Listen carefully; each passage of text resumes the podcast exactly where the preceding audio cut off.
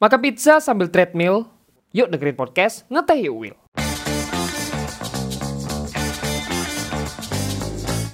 Jangan lupa pakai headphone ya untuk pengalaman yang lebih baik. Hari ini ke kita kedatangan tamu yang paling ditunggu-tunggu nih ya sama teman-teman dari season 1 dan alhamdulillahnya eh pembicara kali ini bersedia untuk menjadi narasumber di season 2. Nah, pasti teman-teman udah pada tahu, jadi kita sambut saja ya. Makan kebab dengan topping boba. Selamat datang Mas Rio Purba. Aduh, pakai pantun pula gimana cara balasnya? Halo teman-teman. Halo Mas Rio. Wah, Ya, mudah-mudahan semuanya dalam keadaan sehat ya. Salam amin. dari kota Medan. Iya, iya. amin, amin. Wah, Mas Rio apa kabar? Kabar baik. Oke. Mudah-mudahan semuanya ini pandemi belum selesai kan. Jadi Iya. kita belum pada bisa ketemu onla- eh, offline, ketemu Mm-mm. langsung. Jadi sementara kita ketemu online dulu. Semoga Mas sehat-sehat juga ya. Iya, iya. amin.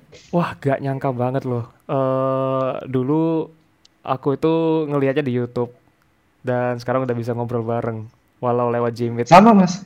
Sama Mas dulu aku lihatnya di Instagram kan Mas Wildan kan. Oh ya? Sekarang lihatnya. Aku udah follow Mas Wildan itu udah udah lumayan lama kan, udah kayaknya dari 2020 kayaknya itu. 2020 ya? Kalau ada nggak ada beberapa eh, istilahnya yang microblog ataupun teman-teman desainer yang sharing gitu tentang dunia desain gitu kan. Mm-mm. Jadi makin rame tuh. Nah, jadi aku makin antusias gitu nge-share sharing juga tentang desain karena banyak teman-teman yang baru gitu yang muncul. Wah, nggak nggak nggak kalah bagus gitu kan Mm-mm. ada beberapa orang tuh selain Mas Wildan aku follow kan dan Mm-mm. materinya juga bagus-bagus gitu. Iya. Dan Mas- kaget juga sih akhirnya bisa kenal semua gitu akhirnya dengan desainer-desainer lain kayak gitu.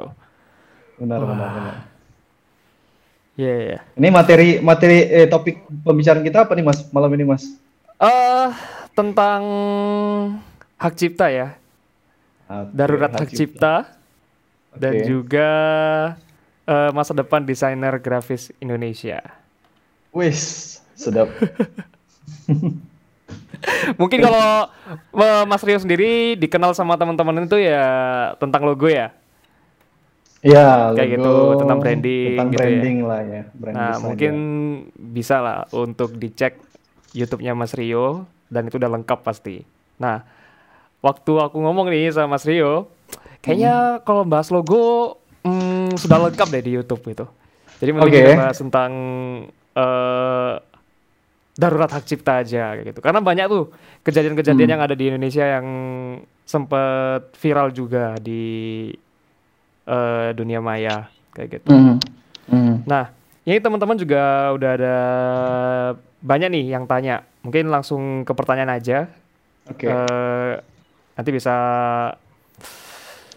kasih contoh studi kasus yang pernah ada gitu. Oke, siap, udah, siap. udah aku list juga sih. Oke, siap. Teman-teman Ya. mohon maaf ya kalau misalnya eh, jawaban jawabannya kurang memuaskan, tapi mudah-mudahan bisa memuaskan lah. Iya, semoga. nah, ini ada yang tanya nih mas. Eh, kalau download free template di FreePic, Mhm. tapi warna dan penempatan itemnya itu diubah, itu melanggar nggak? Oke, jadi em, ini disebut namanya teman-teman ini, disebut namanya lisensi atau license ya. Jadi lisensi itu eh, ibaratnya aturan pemakaian. Ya, beda lisensi beda hak cipta. Hak cipta itu kalian baru buat karya tanpa kalian upload ke internet itu udah udah milik eh, hak hak ciptanya itu udah milik kalian. Hmm. Tanpa kalian di, eh, tanpa kalian daftarin eh, mereknya itu dari awal udah punya hak cipta itu eksklusif. Nah, kalau lisensi, lisensi itu aturan.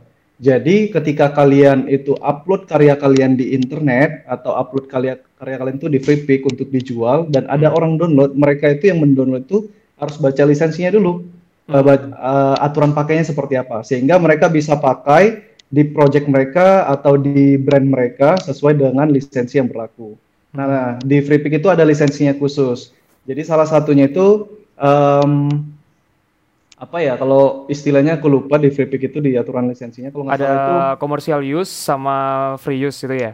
nah ya commercial use ada uh, personal use kayak gitu kan Hmm. nah tapi untuk uh, penggunaannya itu uh, nyambung dengan pertanyaan tadi kalau nggak salah itu ada disebut primary atau secondary gitu ya jadi elemennya itu sebagai primary atau secondary elemen di dalam project kita Hmm. Let's say begini, kalian download ilustrasi kepiting, ya. Itu di FreePic itu ada ilustrasi kepiting. Ilustrasi kepiting ini nggak boleh jadi primary di desain project kalian. Jadi kalian buat misalnya desain baju, terus kepitingnya itu ilustrasi langsung dibuat di sini, langsung dicetak. Nah itu berdasarkan aturan lisensi FreePic itu nggak boleh. Hmm. Seharusnya setiap elemen desain yang kita pakai itu harus jadi secondary. Jadi misalnya kita desain t-shirt dan t-shirt ini ada ilustrasi pantai. Jadi ada ilustrasi pantai, ada pohon kelapa gitu, ada apa, terus ada kepitingnya. Nah kepiting itu bukan jadi elemen utama kan, bukan primary kan. Itu jadi cuman pelengkap di situ. Nah itu boleh.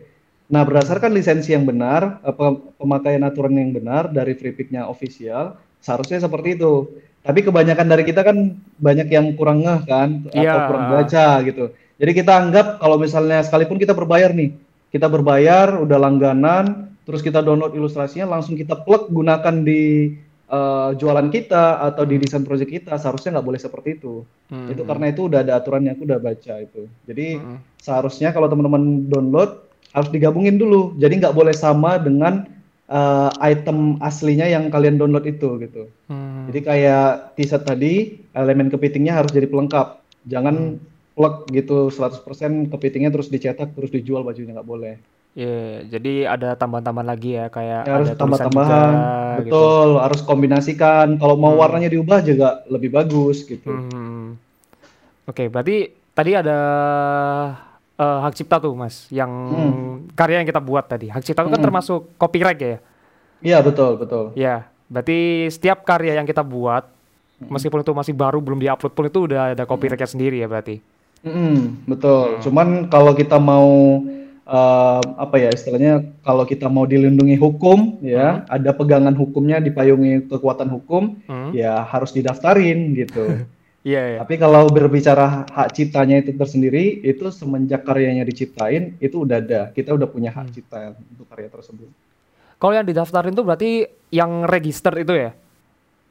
Ya benar, tapi itu Ah. register itu em, untuk merek. Nah beda lagi Merek tuh. ya? Kalau teman-teman, em, nah ini ada di Indonesia itu ada lembaga yang memayungi atau eh, em, memegang aturan tentang inilah. Jadi ada merek, ada hak cipta gitu ya. Namanya itu DJKI, di eh, Ditjen Ditjen Kekayaan Intelektual namanya DJKI. Tapi web- websitenya itu DGIP dgip.go.id. Aku nggak tahu lam- nama lembaganya ini DJKI, tapi websitenya itu DGIP. Aku nggak tahu.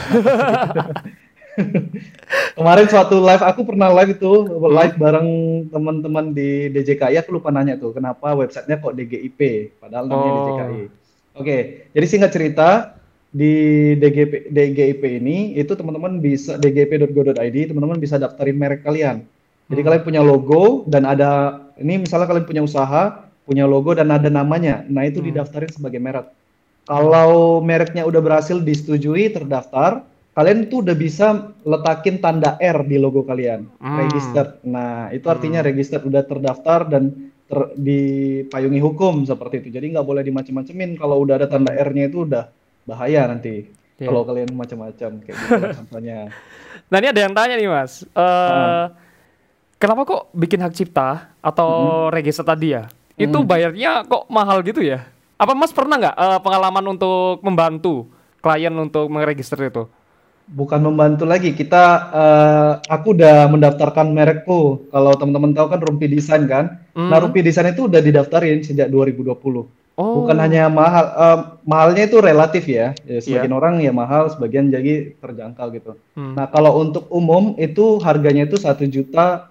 Waktu itu aku daftarin satu juta lima ratus kalau nggak salah, satu juta lima ratus. Tapi buat teman-teman UMKM, asalkan bisa menunjukkan bukti dokumen yang diminta, kalian tuh UMKM, Hmm. itu eh, hanya lima ratus ribu rupiah. oh ada itu sekarang ya? Ada, ada, masih berlaku itu. Jadi teman-teman, dan aku full daftarinnya itu via online. Jadi tanpa daftar eh, cari kantor DJKI di Medan itu di mana enggak. Aku Hmm. full daftarnya online dan semua Hmm. ada panduannya teman-teman lihat aja di dgip.go.id. Hmm. Nah, jadi teman-teman daftarin dan bukan hanya ya kalau ada yang bilang mahal, bukan hanya mahal, tapi juga lama, teman-teman. Jadi daftarin merek atau eh, merek kita itu ya, register tadi, copyright dari logo Hmm. merek kita, itu em, bisa sampai satu tahun bahkan. Hmm. Nah, aku itu kalau nggak salah bulan Agustus atau September bulan eh tahun lalu dan sampai sekarang tuh masuk eh, statusnya masih on progress gitu, masih processing gitu. Hmm. Jadi em, kalau teman-teman pernah dengar itu ada TM, trademark. Ya, trademark. Jadi saat ini kalau aku mau mau gunakan tanda R itu belum bisa di logonya Rumpi Design, masih Oh. TM. TM itu bisa statusnya masih on progress, belum disetujui tapi udah didaftarkan. Atau yang kedua kita bisa letakin TM tapi sama sekali belum didaftarkan Hmm. gitu. Jadi ah eh, lima tahun lagi deh suatu bisnisku eh, berkembang baru aku daftarin. Nah itu kita bisa pakai TM. Hmm. Nah nanti ketika status eh, tahun ini mudah-mudahan nanti akhir tahun status logo Rumpi Design mereknya itu udah registered, udah full Hmm. 100% registered, baru aku bisa pakai di- la- lambang R tuh di eh, logonya Rumpi. Gitu. Hmm. Berarti register tuh udah udah paling tinggi lah ya. Ya udah pokoknya udah 100% di approve lah, dilindungi sama negara gitu. Oke, oke. Tapi kalau Jadi kalau wait, yang- ini Mas, hmm? eh, kalau misalnya kalian udah punya bisnis udah jalan ya dan logonya itu misalnya udah dibuatin sama desainer kan, kita Hmm. biasanya kan bayar tuh ya sama desainer dan nggak murah juga kan. Hmm. Nah, mending dari sekarang aja daftarinnya karena nunggunya itu lama. Nunggu Hmm. proses approvalnya itu bisa satu tahun. Jadi Hmm. sambil kalian jalanin usaha ya udah daftarin aja 500 ribu atau Hmm. kalau kalau kalian layak umum ya satu juta lima ratus. Gitu. Oke. Wah, berarti udah kejawab semua dong ini pertanyaannya. Waduh, udah diborong tuh. Nah, ini ada apa nih? Ah, ini nih. Ada pertanyaan kayak gini, Mas. Sebenarnya Hmm. kriteria suatu karya dikatakan plagiarisme atau Mhm. melanggar hak cipta itu gimana?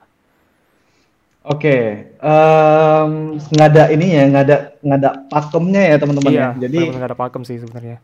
ah, kalau teman-teman cari di Google atau di mana eh, studi kasus studi kasus mana itu nggak ada pakemnya. Jadi Hmm. yang demikian plagiat, yang demikian enggak gitu. Tapi bagaimana terutama itu tim kami di Yellow menjaga supaya paling tidak menghindari plagiarisme itu seperti Hmm. apa. Nah kita melakukan step-step yang memang em, untuk terjadi plagiarisme itu sangat kecil gitu. Jadi Hmm. step-step yang kita lakukan itu di awal tuh yang pertama tuh kita briefing dulu dengan klien, Hmm. eh, mereka perusahaannya seperti apa. Pokoknya kita kenal dengan perusahaan mereka, produk mereka seperti apa. Hmm. Setelah itu baru kita melakukan brainstorming. Kita memang mencari inspirasi di internet, tetapi itu hanya kita jadikan inspirasi. Maksudnya begini, misalnya nih ada klien itu eh, kue ya, kue kue makanan, Hmm. eh, donat-donat yang cute-cute misalnya. Nah kita cari itu cute donut eh, logo misalnya.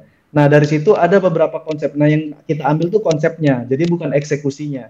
Hmm. Jadi kalau teman-teman mengambil eksekusinya pada logo itu jatuhnya pagi pasti plagiat. Misalnya ada Hmm. desain desain logo yang donat tadi ya. Jadi desain logo ada donat terus ada kriwil-kriwil gitu untuk krimnya di atas. Hmm. Nah, teman-teman ambil eksekusinya, teman-teman ambil stylenya. Nah, itu pasti plagiat. Apalagi ngambilnya cuma satu dari refer- satu referensi atau satu inspirasi. Oh, iya, Pasti iya. jatuhnya nggak jauh beda kan? Ah, benar. Nah, jadi kalau kita itu di di tim kita itu kita ngambil ngumpul inspirasi itu ada banyak ya. Jadi di mood board itu ada misalnya ada 10 desain logo yang sesuai dengan brief klien.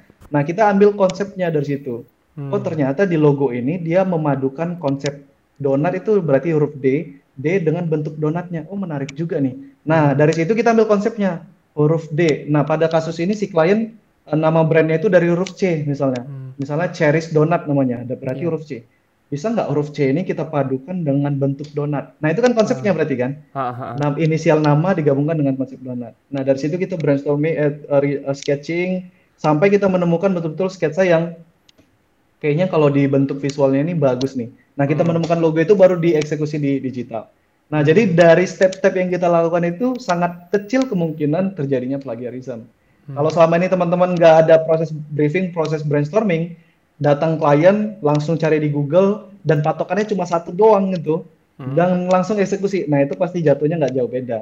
Hmm. Jatuhnya meniru gitu. Jadi bukan yeah. hasil dari olah brainstorming tadi. Hmm, hmm, hmm. Berarti emang proses itulah ya yang bikin kita nemu nih titik eh kayak benangnya tuh ketemu lah. Betul, gitu. dan proses itu juga seharusnya yang buat jasa kita nggak murahan karena nah. kita betul-betul kerja kan, bukan ngambil dari Google, niru, selesai nggak gitu. Nah, gitu. itu mohon didengarkan ya teman-teman. Jadi, nah ini menarik nih. Uh-uh. Kan tadi kan banyak prosesnya tuh mas. Iya. Ya kan. Kan orang bilang kan biasanya, halah desain gitu doang aja kok. Nah kayak gitu. Hmm. Nah kalau dari mas sendiri nih, kan emang kan uh, desain kita ini kan emang nggak murahan gitu loh. Emang bener-bener ada proses yang mendalam lah anggapannya. Mm-hmm. Nah kayak gitu. Kalau Mas sendiri itu uh, butuh berapa lama sih untuk membuat sebuah logo untuk klien itu? Oke, okay, kalau kita di karena sekarang aku nggak free, nggak freelance lagi ya, jadi mm-hmm. yang kita di ngerjain kalau ada project tuh udah ada tim. Mm-hmm. Nah kita di tim itu paling cepet itu tiga minggu, tiga sampai empat minggu. Jadi kalau ada satu klien datang buat logo itu 3 sampai 4 minggu buat logonya. 3 sampai 4 minggu. Iya betul. Ja jadi jangan kalian kira itu satu hari jadi ya teman-teman. Wow. Dengarkan tapi, ini ya. Tapi ada beberapa klien yang ekstrim. Aku bilang hmm. ekstrim tuh sebenarnya um, mereka profesional tapi mereka mau cepet. Kadang ada klien kayak gitu kan. Uh. Rio saya uh, saya hanya punya waktu satu minggu karena misalnya minggu depan tuh saya mau uh, pitching atau presentasi dengan klien hmm. saya butuh logo misalnya gitu ada beberapa kejadian kayak gitu hmm. nah itu kita cas hampir dua kali lipat kalau klien mau ya kita majukan uh, deadline itu jadi satu minggu hmm. dan ya udah kita kerjain gitu tapi kalau standarnya itu 3 sampai empat minggu hmm. jadi di awal itu kayak yang stepnya aku bilang tadi di awal itu kita brainstorming kenapa kita lama di awal itu brainstorming sketsa hmm. itu aja kita bisa ngabisin tiga hari teman-teman Iya. Jadi di awal project setelah briefing ya briefing bisa satu dua hari, terus sketsa itu bisa tiga hari. Kita di proses masa timeline sketsa ini kita nggak ada megang laptop ngedesain nggak ada. Jadi di awal project datang kita nggak ada megang laptop untuk ngedesain langsung nggak ada. Hmm. Jadi biasanya karena kita timnya itu remote ya tim yellow uh, karena pandemi dari awalnya itu kita ada di co-working space. Hmm. Nah jadi itu di rumah masing-masing tuh sambil nonton atau sambil ngopi itu pokoknya megang kertas atau di iPad tabletnya sendiri pokoknya brainstorming, sketching yeah. aja gitu. Nanti kalau udah habis waktu timelinenya di masa brainstorming ini, kita sama-sama nyetor. Misalnya si desainer A, aku ada dua ide nih nyumbang. Nah, desainer B ada satu ide, eh, dua, desainer B ada satu ide, desainer C ada berapa, nanti kita gabungin. Kira-kira yang mana finalnya tiga konsep di awal kita ronde pertama itu kita propose ya. Hmm. Baru di sini tiga logo eh, tiga logo konsep logo terbaik, yaitu dieksekusi dan di present present ke klien. Hmm. Berarti kayak ada itu ya Mas ya. Kan tadi butuh waktu empat minggu untuk menghasilkan hmm. logo itu. Uh. Dan ada orang juga minta cepet lah anggapannya. Hmm. Ya itu balik lagi ke segitiga apa ya itu namanya ya. Iya, yang ada harga, iya. Ke kecepatan dan juga kualitas. Betul. Nah kita cuma bisa ambil dua dari tiga itu aja gitu kan ya. Betul. Uh, benar-benar. Wah keren banget sih. Aku baru tahu loh kalau selama itu mas. ya beda-beda sih teman-teman hmm. beda kalau nge kalau freelancer biasanya cepat ya ya. biasanya ya seminggu ya karena ini mungkin karena tim juga ya dan kita hmm. menjaga kualitas kualitas. Uh, kualitas karya kita ya kita udah siapin SOP-nya kalau project hmm. itu sekian sampai sekian hmm, ya benar-benar wah keren sih wow ngeri ngeri ngeri oke okay, itulah ya uh, proses dari tim Mas Rio sendiri. Ya. Nah ini ada pertanyaan lagi Mas. Nah ini kebanyakan teman-teman nih uh, suka ngambil gambar di internet. Oke. Okay. Nah, yang ada pertanyaan kayak gini. Kalau pakai gambar dari Google sebagai latar buat highlight IG atau yang lainnya gitu ya, itu hmm. hanya sekedar uh, untuk personal use dan tidak diperjualbelikan. Apakah itu kena hak cipta? Oke, okay.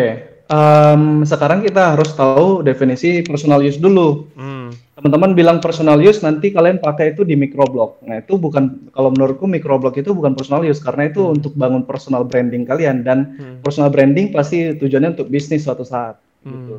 Nah jadi kalau kalian bilang personal use, kembalikan lagi ke kalian, apakah betul-betul memang untuk personal use. Kalau menurutku personal use itu, misalnya kalian nikah, kalian ambil dari Google. Nah itu nggak ada masalah karena itu memang untuk kalian menikah gitu, Hmm. bukan ada klien mau pesan desain undangan terus kalian kasih desain undangannya bukan kan? Kalian nikah Hmm. sendiri gitu. Atau kalian untuk belajar, kalian download punya orang, terus kalian pelajari di rumah kalian gimana tekniknya nih. Nah itu untuk personal use gitu. Hmm. Nah, tapi eh, kalau memang kalian udah tahu definisi personal use seperti apa, ya fine-fine aja menurut aku. Karena itu memang untuk personal use, untuk belajar kah atau untuk apa gitu kan. Hmm. Tapi kalau bisa sih biasakan aja, membiasakan diri bagaimana seorang profesional itu kan kita kita semua pengen jadi freelancer profesional kan. Mm-mm. Nah, freelancer profesional itu harus membiasakan diri, jangan biasa membiasakan diri kita melakukan habit yang jelek. Nanti kita tiba-tiba ada klien karena kita buru-buru, yaudah deh, karena terbiasa nih kan, karena habitnya Iya. download kan dari internet ah. yang gratisan pula gitu,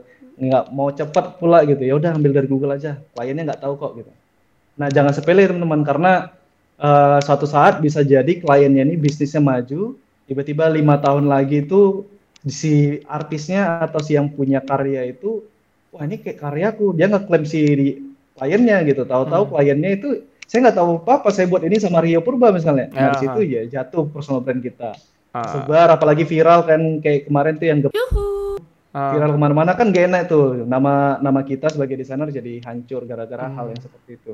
Jadi lebih, lebih bagus dari awal sejak dini kita membiasakan diri yang bagus itu seperti apa. Kalau memang mau ambil gambar-gambar yang free jangan dari Google, kan ada situs-situsnya Pixels, pixels.com, ada Hmm. Unsplash. Nah baca Hmm. di situ eh, rata-rata free, free for komersial, tapi ya teman-teman silahkan baca dulu deh apanya ya lisensinya. Ketentuannya itu kayak gimana? Ketentuannya, iya betul. Mm-mm. Wah, itu sih. Tapi untung ya ada kayak website-website yang menyediakan free pictures kayak gitu. Ya kayak Unsplash. Mm-mm. Iya. Iya, ada ada banyak ya. Karena em, sebagai desainer itu salah satu trik sebenarnya teman-teman untuk Hmm. ngembangin personal brand kalian. Jadi kalau kalian tuh belum punya nama, kalian mau bangun personal brand, kalian pakai situs-situs eh, distribusi file gratis seperti itu. Jadi kayak Unsplash, kalian kalian tuh fotografer. Hmm. Kalian aktif foto foto tuh objek-objek di mana-mana gitu. Kalian upload aja tuh di di Unsplash. Itu kalau karya kalian itu seiring banyak yang download, itu banyak yang fotografer tuh banyak yang tahu oh ternyata Rio Purba ini bagus-bagus tuh. Karya kalau mau cari karya tentang apa ya street fotografi itu coba Hmm. aja ke Unsplash-nya Rio Purba misalnya seperti Hmm. itu. Nah, jadi situs-situs gratis ini bagus juga nih buat kita bangun personal brand atau bangun portofolio. Hmm. Iya. iya. Nah, ini kadang kita tuh ada eh microblog nih, Mas, atau mungkin ada Hmm. dari teman-teman yang pengen mencari studi kasus Oke. kayak gitu. Nah, mungkin kan eh adalah studi kasus apa misalnya eh contoh painting gitu. Painting kan sering tuh berhubungan dengan hak ciptanya atau kayak Hmm. punyanya kayak Mona Lisa lah anggapannya. Oke. Nah, Mona Lisa kan punya hak cipta tuh. Kita cari gambarnya Mona Lisa di Google dan ketemu. Nah, terus itu dijadikan studi kasus di dalam eh, Instagram. Entah dibahas kayak Oke. gimana gitu dalam bentuk microblog lah misalnya. Nah, apakah itu Oke. melanggar hak cipta? Kira-kira. Em, ini apa ya eh, di gray area lah istilahnya. Iya. Jadi area abu-abu gitu teman-teman. Jadi bisa ya bisa tidak gitu. Selama si pemegang hak ciptanya. Jadi itu ada ada undang-undangnya hukumnya kalau bukan hanya di Indonesia itu di in- hukum internasional juga ada. Jadi kalau misalnya pemegang hak cipta dari satu karya itu udah meninggal, kalau nggak salah setelah 70 tahun itu Hmm. karyanya itu masuk ke dalam public domain atau ranah publik. Jadi kita Hmm. bisa makanya kalau teman-teman download video jadul yang tahun 40-an atau 30-an, teman-teman mau buat di YouTube, komersilkan atau teman-teman mau jual atau mau pakai untuk film kalian itu nggak ada masalah. Karena pemegang hak ciptanya udah nggak nggak ada, itu udah masuk karyanya ke public domain seperti itu ada aturannya. Nah masalahnya Mona Lisa ini pemegang hak ciptanya apakah si painternya, si pelukisnya, atau ada yang pemegangnya itu gitu. Hmm. Jadi em, salah satu font itu apa ya? Eh, apa Helvetica. Helvetica. Helvetica itu nama desainer fontnya Berau apa gitu ya, aku lupa Hmm. gitu ya. Nah itu udah meninggal udah lama, tapi Helvetica itu dipegang hak ciptanya sama satu perusahaan. Makanya sekarang tuh jadi tetap menjadi font yang premium.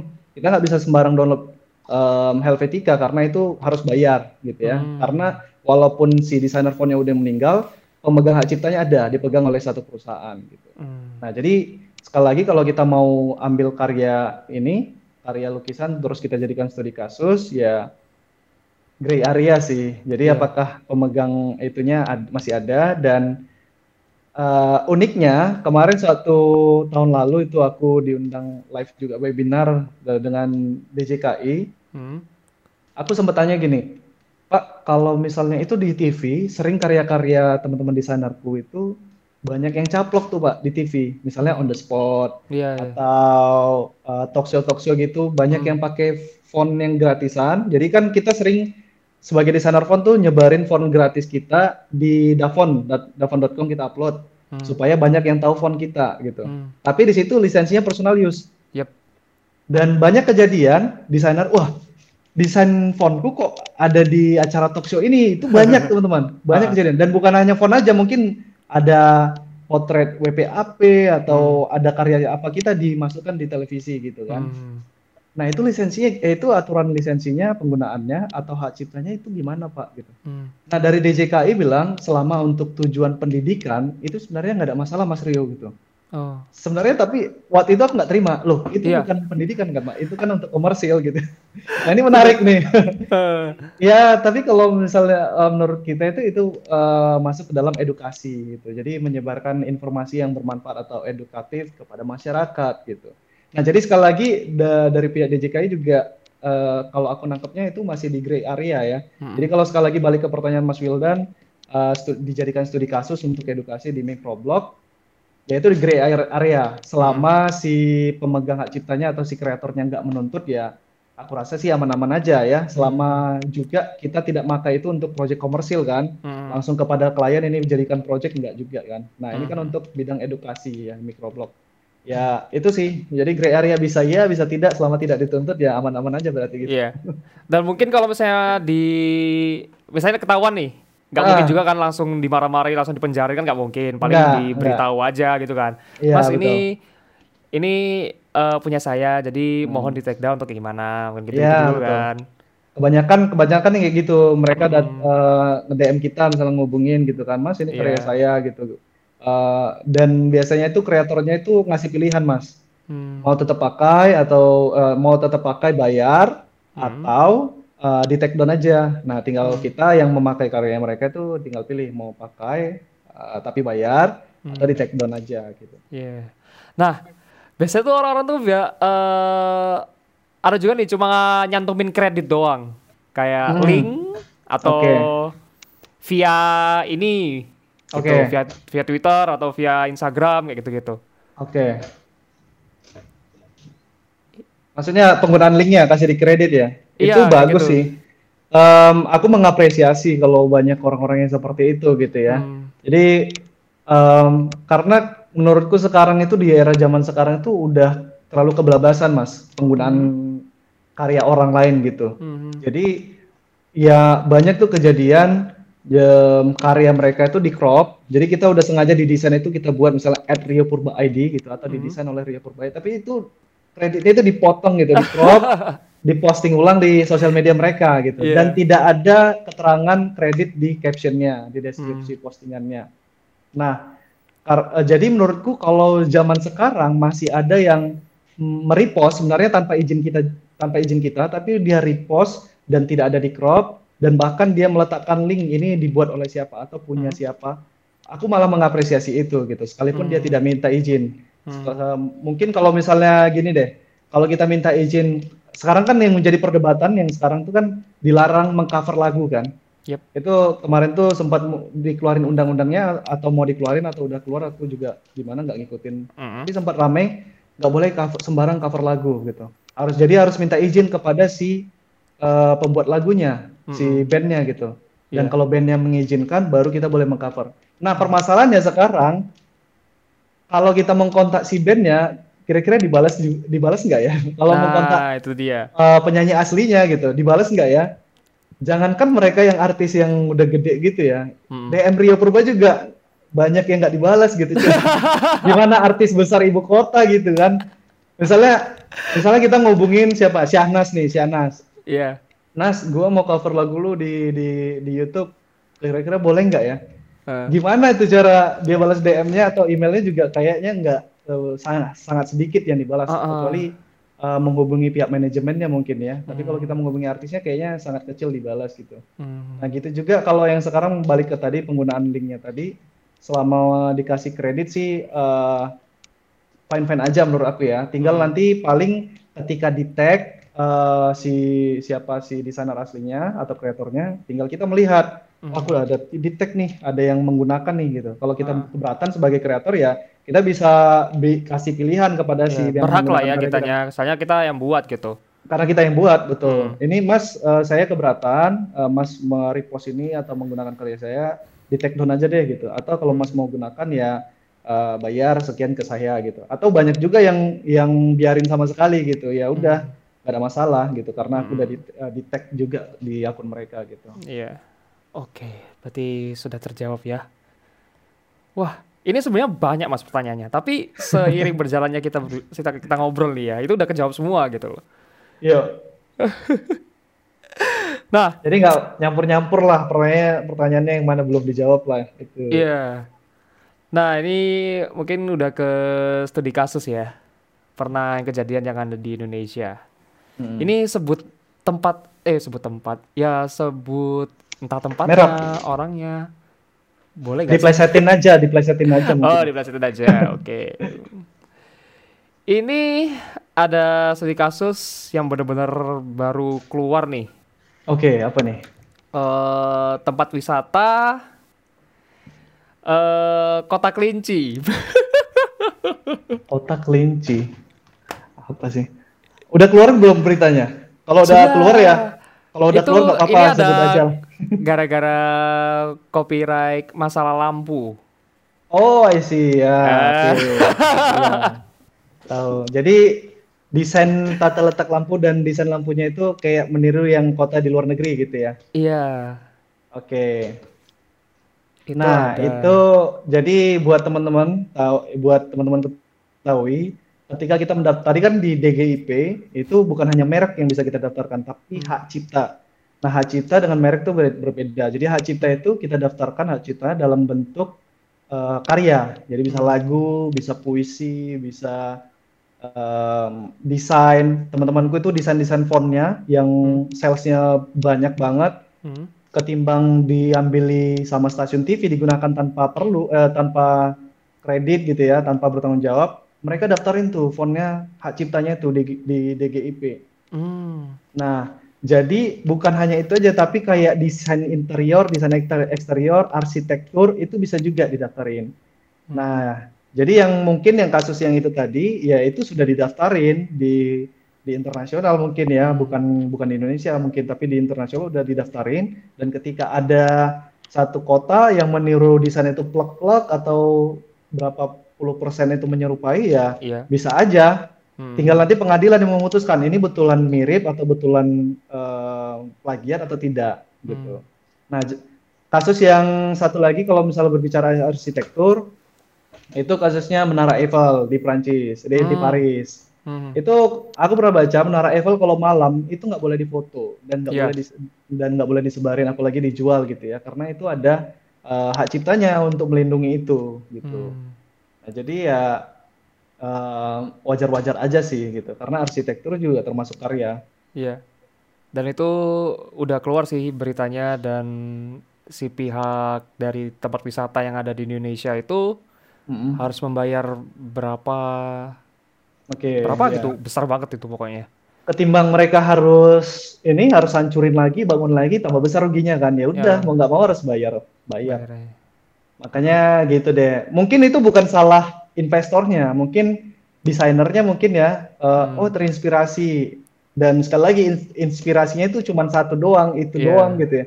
Ya akhirnya jadinya itu nggak nggak jauh beda mungkin. Mm-mm. banyak hal lah bisa bisa dari faktor desainernya atau bisa dari faktor kliennya juga banyak yang kayak gitu kan saya mau desainnya seperti ini banyak juga klien kayak gitu kan maksa desainernya gitu jadi desainer I have no choice gitu nggak Ya. punya pilihan ya udah buat gitu yang penting cair gitu ya, Ya, banyak, banyak faktornya gitu ya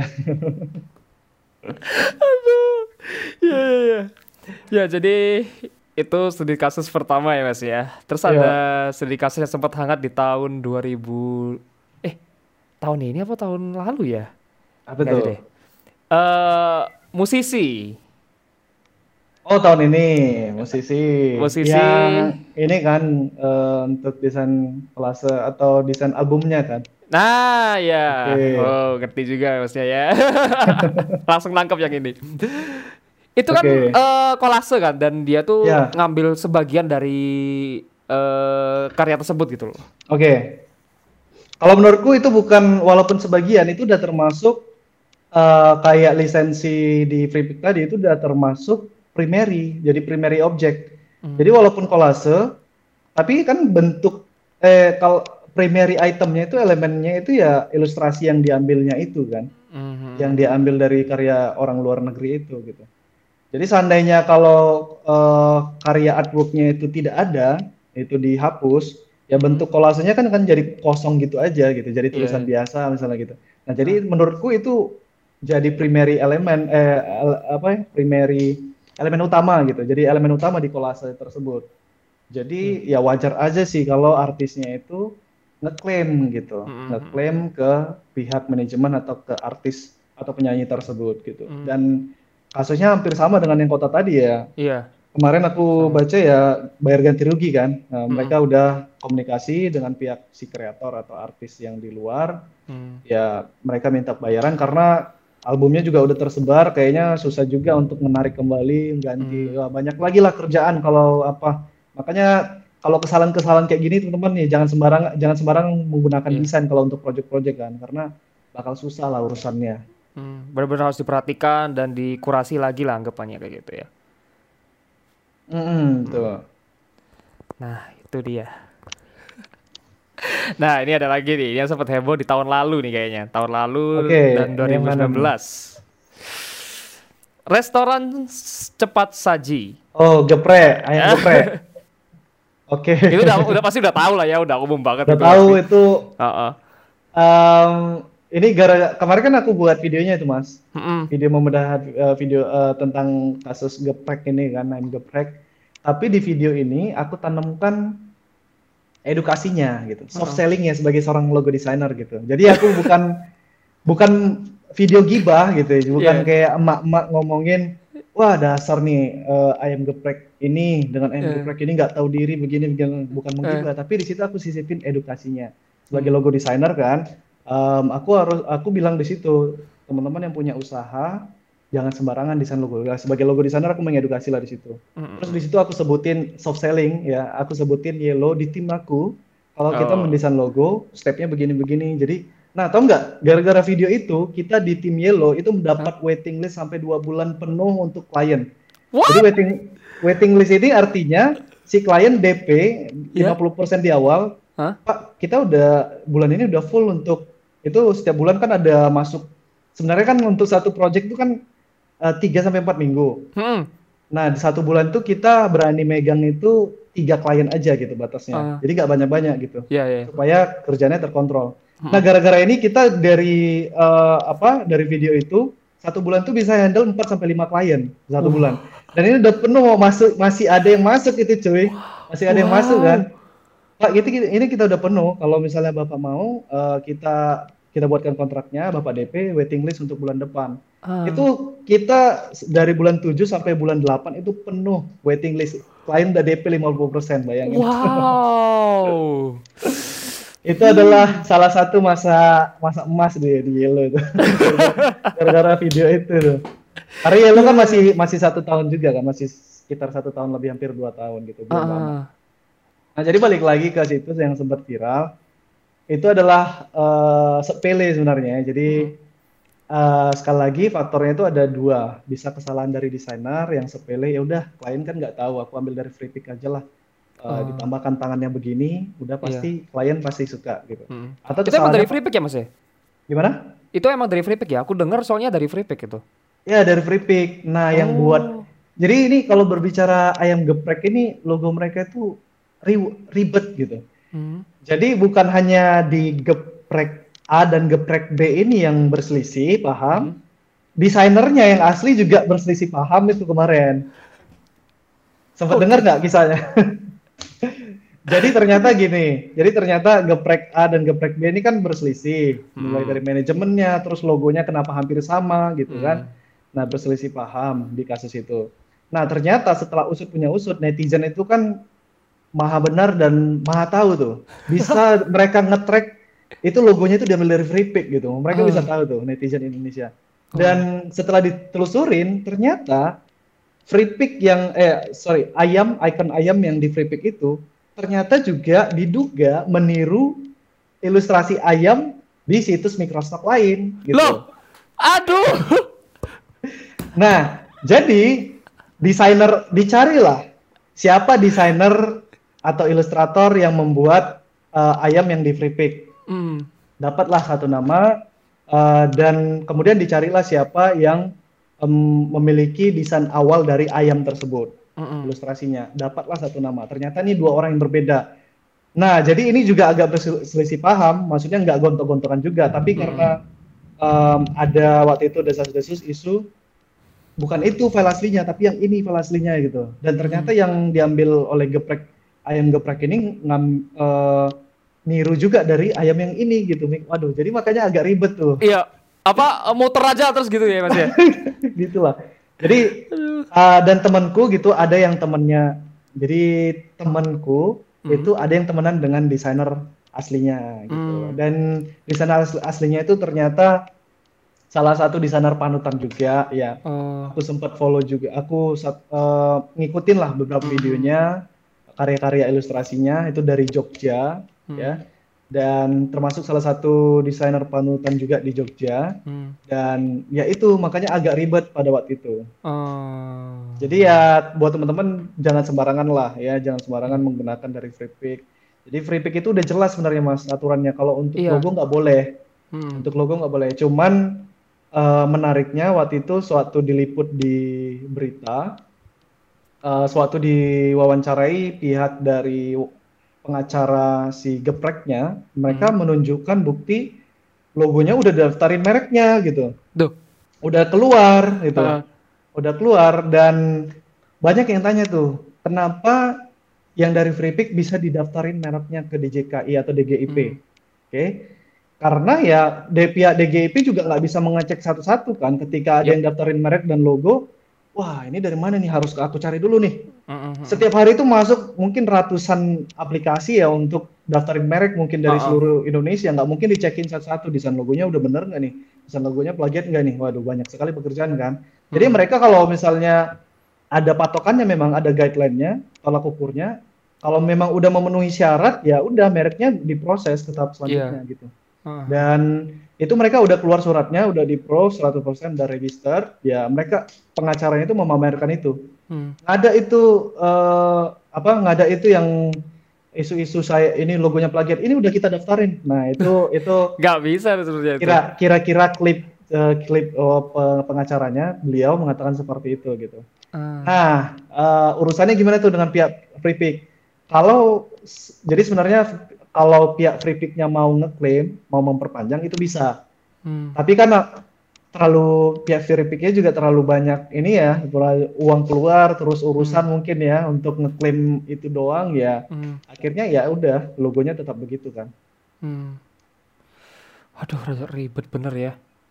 gitu ribet aja. ya agak ribet gitu tapi kan walaupun eh, istilahnya mereka menang secara Mhm. sosial artinya eh, secara hukum mereka itu udah daftarin mereknya tapi secara sosial kan mereka itu kan udah kena pukulan besar kan dari Iya. masyarakat wah ini logonya ngambil free pick ya artinya kita udah kalau selama ini kita bangun brand kita bagus kita buat marketing yang bagus Hmm. brandingnya juga bagus ternyata ada isu yang kayak gitu Hmm. ya branding kita kan bisa jatuh kan, bisa Iya. gagal apalagi bisa bangkrut gitu. Jadi Ah.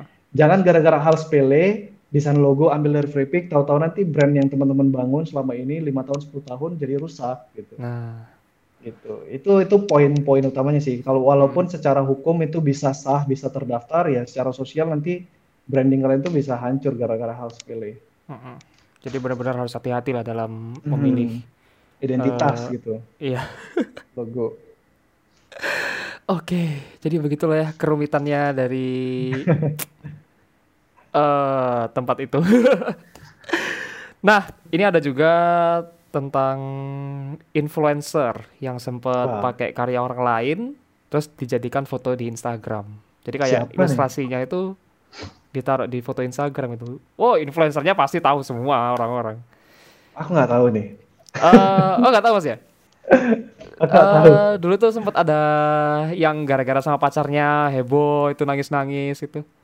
Waduh, nggak tahu aku. Nggak tahu ya? Mengikuti pula gosip-gosip ya. Jadi ada gitu mas. Jadi influencer tuh, Ah. influencer. Sebut aja namanya Mawar. ya si mawar ini Ah. itu nyari di Pinterest. Oke, ya. Nah, nyari di Pinterest, diambillah karya tersebut, terus Mhm. dijadikan eh, ilustrasi di dalam eh, foto itu gitu loh. Oke. Jadi ditumpuk gitu, tapi ada backgroundnya tuh dihapus anggapannya Hmm, oke. Ya, ya. gitu sih. Ya, sekali lagi sih. Jadi Pinterest itu teman-teman untuk em, apa ya? Mencari inspirasi, terus mengumpulkan mood board, bukan untuk download gambar atau download karya. Kalau download gambar atau karya itu ada Unsplash, Pixel Study yang gratis, kalau yang berbayar ada Free Pick dan teman-teman lainnya.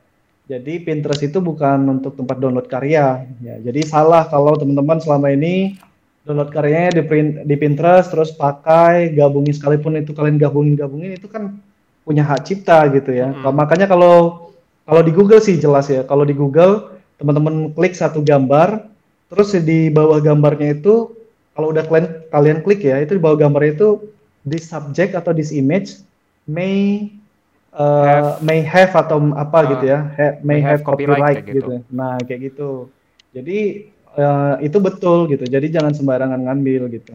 Mm-mm. Kalau kalian ngambil beruntung nih, eh, mungkin satu kasus kalian ngambil nggak nggak ketahuan karena yang kreatornya itu kreator atau desainernya desainer kecil dan nggak Hmm. tahu gitu.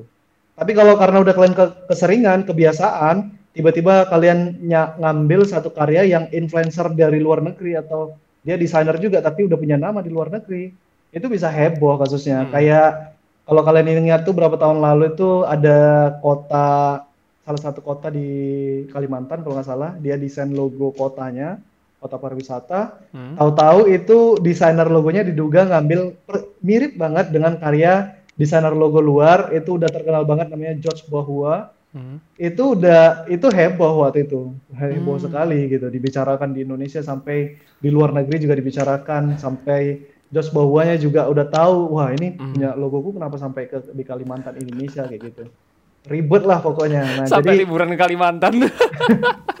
jadi ja- itu itu ya jangan, jangan keseringan mungkin sekali Ah. dua kali ya kalian aman gitu ya tapi Hmm. kalau nanti kejadian kan udah nggak enak gitu ya Hmm. Jadi Pinterest tuh anggapannya kayak Google-nya gambar gitu.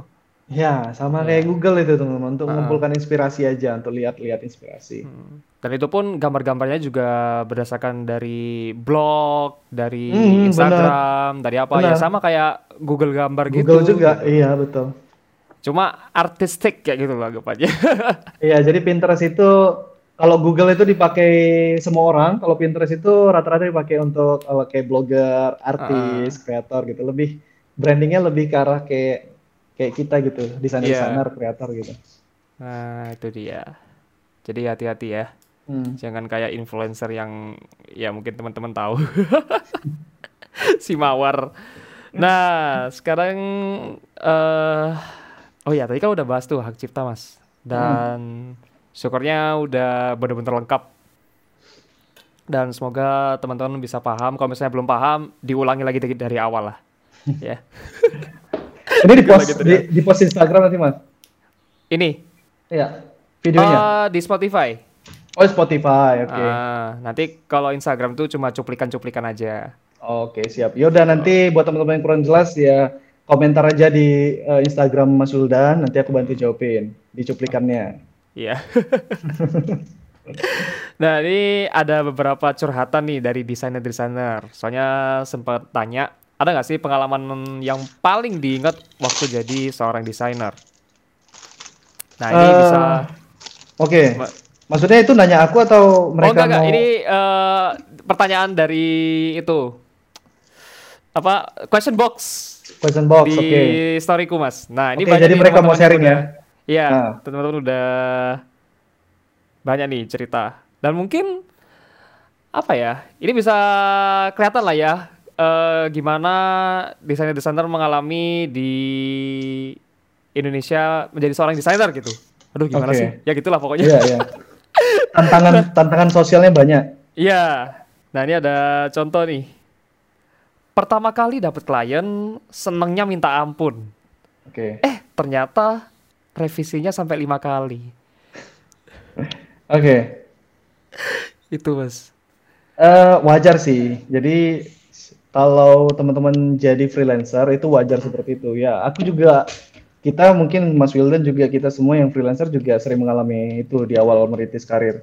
Jadi ya revisinya unlimited revisi gitu. Terus kliennya udah selesai tiba-tiba nggak ada kabar lari padahal kita udah kerja. Nah, Hmm.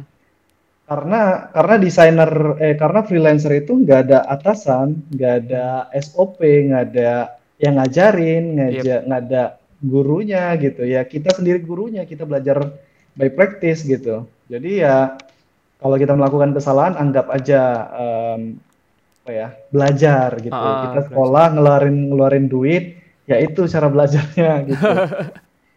Tapi yang salah adalah udah berapa kali seperti itu melakukan kesalahan tapi nggak nggak ini nggak berubah-berubah mas. Hmm. Banyak dia nge-DM Mas Rio saya udah udah kerjain desain tiba-tiba kliennya nggak ada kabar lagi gitu. Nah, Tapi Mas belum kerja kan?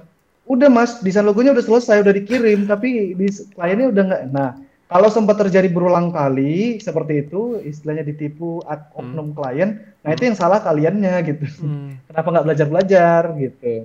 Oke di awal tuh ya paling tidak kalau nggak ada hitam di atas putih kontrak ya paling tidak udah disepakatin di awal tuh di chattingan Mas bakal dapat ini ini ini kewajiban Mas di awal DP-nya sekian persen. Hmm. Nah baru nanti di akhir setelah uh, Mas pelunasan dulu baru nanti filenya dikirim. Paling tidak di situ udah ada kesepakatan. Gitu. Hmm. Jadi kan pembelajaran lah gitu. Iya, itu ya pembelajaran revisi. nah ini ada juga yang cerita gini mas, revisi poster webinar, Oke. webinarnya fakultas. Itu posternya ada 20 lebih, Mhm. 20 kali. Oke. Kliennya itu kaprodi sendiri, dan saya hanya bisa tersenyum. Oke, kalau kampus biasa sih, ya nggak apa-apa, nggak apa-apa. Jadi kalau aku dulu eh, di awal juga sering kerja gratisan ya. Kalau Hmm. kampus kan nggak mungkin bayar ya, ya, Mas ya. Hmm. Jadi di awal em, bahkan bukan kuliah itu di SMK. Jadi SMK Hmm. itu aku gabung ke komunitas di luar sekolah gitu. Hmm. Jadi bukan di internal sekolah, di luar sekolah itu ada kumpulan beberapa sekolah eh, untuk perkumpulan rohani sekota Medan kalau nggak nggak salah itu ya. Jadi em, itu sering mengadakan kayak gitu kegiatan-kegiatan ngumpul atau retreat atau apa gitu kan. Dan yang bisa desain itu ya kalau di pengurusan itu ya aku gitu. Makanya kadang nanti ada dari SMA 12 Negeri Medan itu mau mau butuh desain untuk acara pensi mereka karena mereka udah tahu, udah kenal di di komunitas ini yang bisa desain tuh Rio Purba. Mereka Hmm. panggil tuh Rio Purba padahal sekolahnya beda. Hmm. Bang Rio, kita butuh ini eh, bisa ketemu nggak di di sekret gitu sekretariat. Hmm.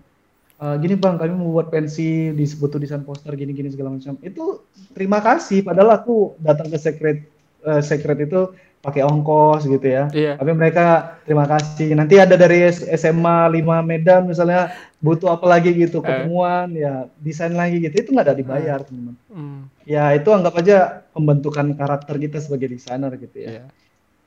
Karena Dan juga portofolio portofolio.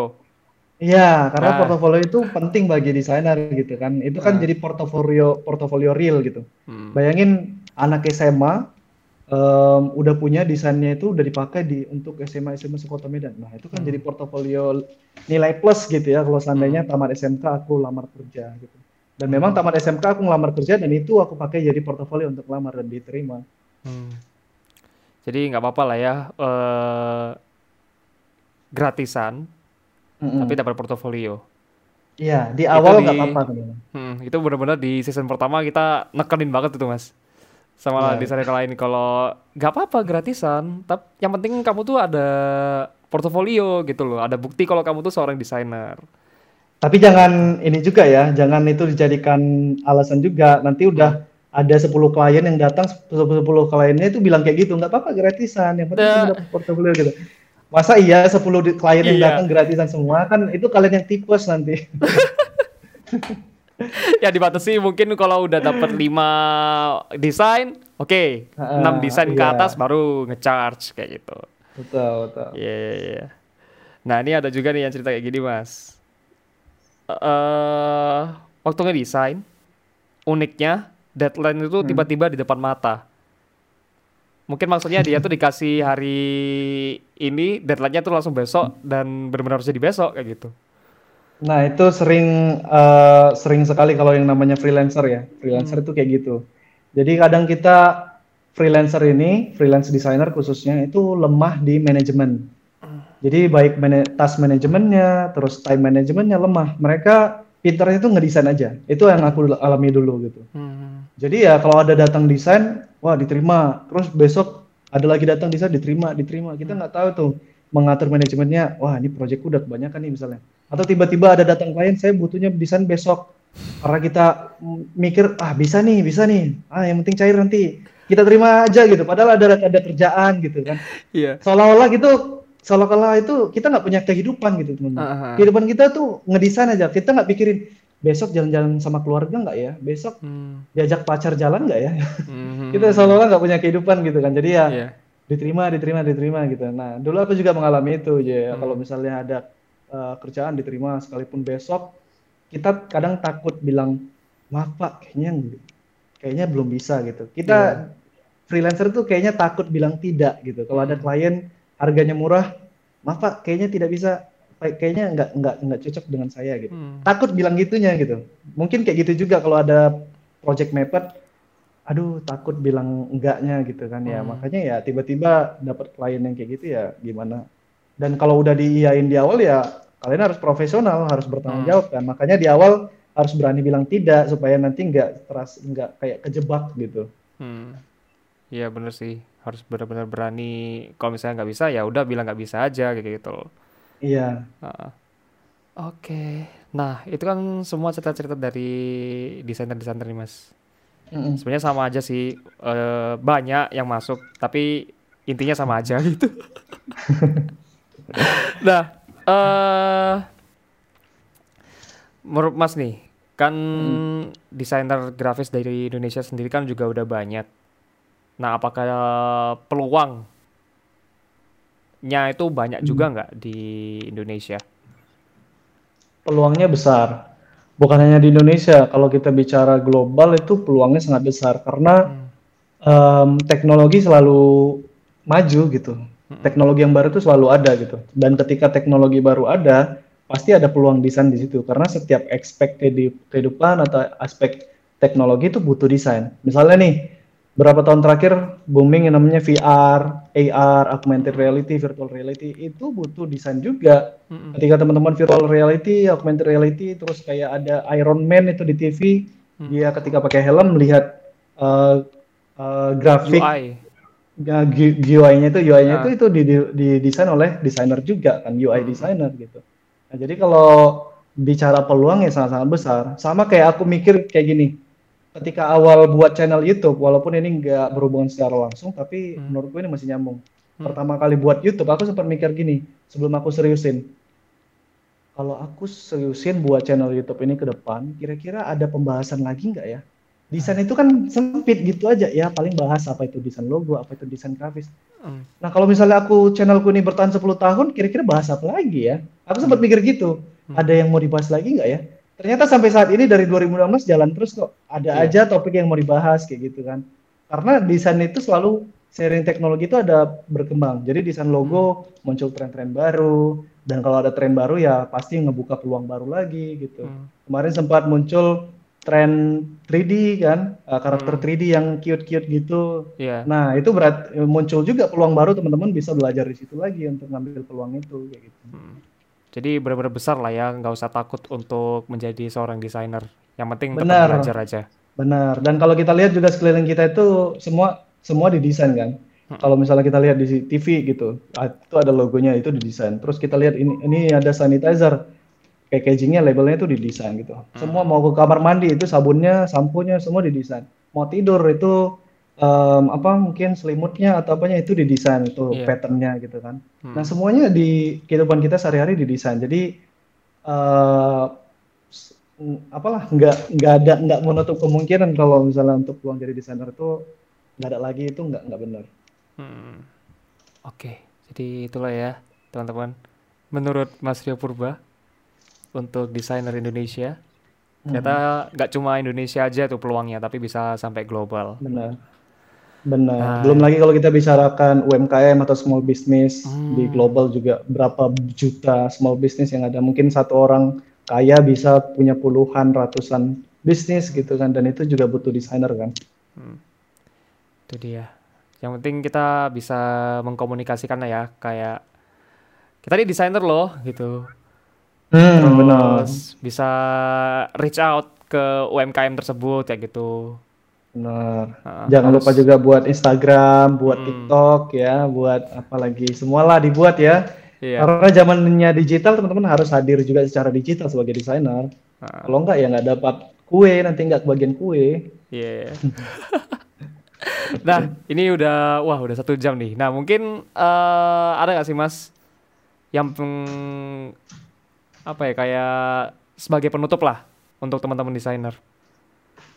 Oke, em, ya tagline kita lah ya, nggak lain dan nggak bukan jangan pernah takut berkarya. Jadi tagline ini aku buat sebenarnya untuk teman-teman yang merintis karir gitu, untuk mau memulai karir sebagai desainer atau freelancer atau apa pun bidang freelance kalian, programmer dan lain sebagainya. Em, karena di awal aku otodidak teman-teman, jadi jurusan akademisku juga bukan di bidang desain, bukan multimedia. Aku itu pemrograman, programming teman-teman. Hmm.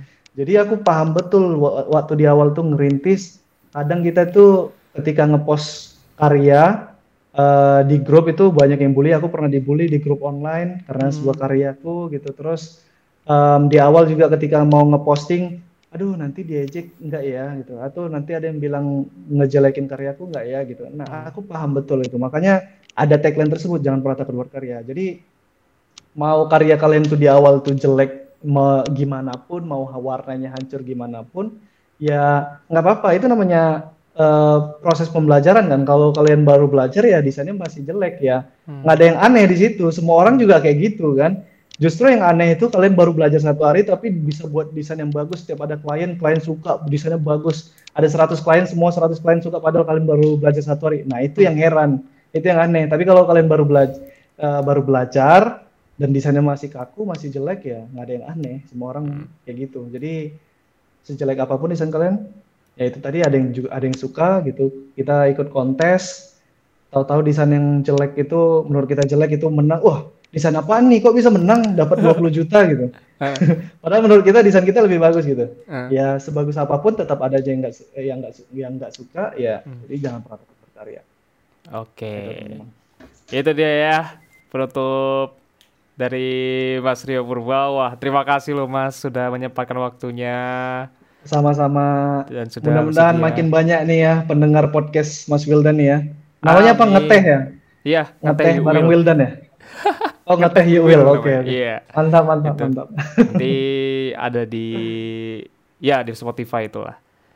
Oke Jadi, siap siap sementara ini masih di Spotify karena kalau di YouTube laptop ini ngerendernya kayak pesawat Mas suaranya.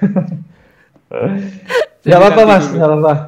Tapi perlu juga mas, tapi disimpanin kan videonya videonya Oh, disimpanin. kan? beres, beres. Itu semua disimpan. Soalnya nanti ya buat cuplikan-cuplikan tuh nanti. Oke, tapi ditunggu loh YouTube-nya karena pasti ada aja yang nonton tuh mas di YouTube. Ah, ah. Mas. Banyak sih yang nunggu, Mas mana YouTube-nya, mana YouTube-nya? Sabar, laptopku ini kayak pesawat. Kita doain juga mudah-mudahan tahun ini dapat project yang Mas Julian bisa beli ini ya gadget baru ya kan? Amin. terbaru. Amin. Oke, makasih banyak ya Mas Rio. Sama-sama Mas Wilan, sukses terus ya.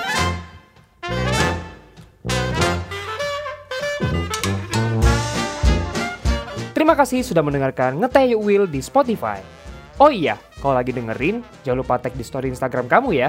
Sampai jumpa di episode selanjutnya.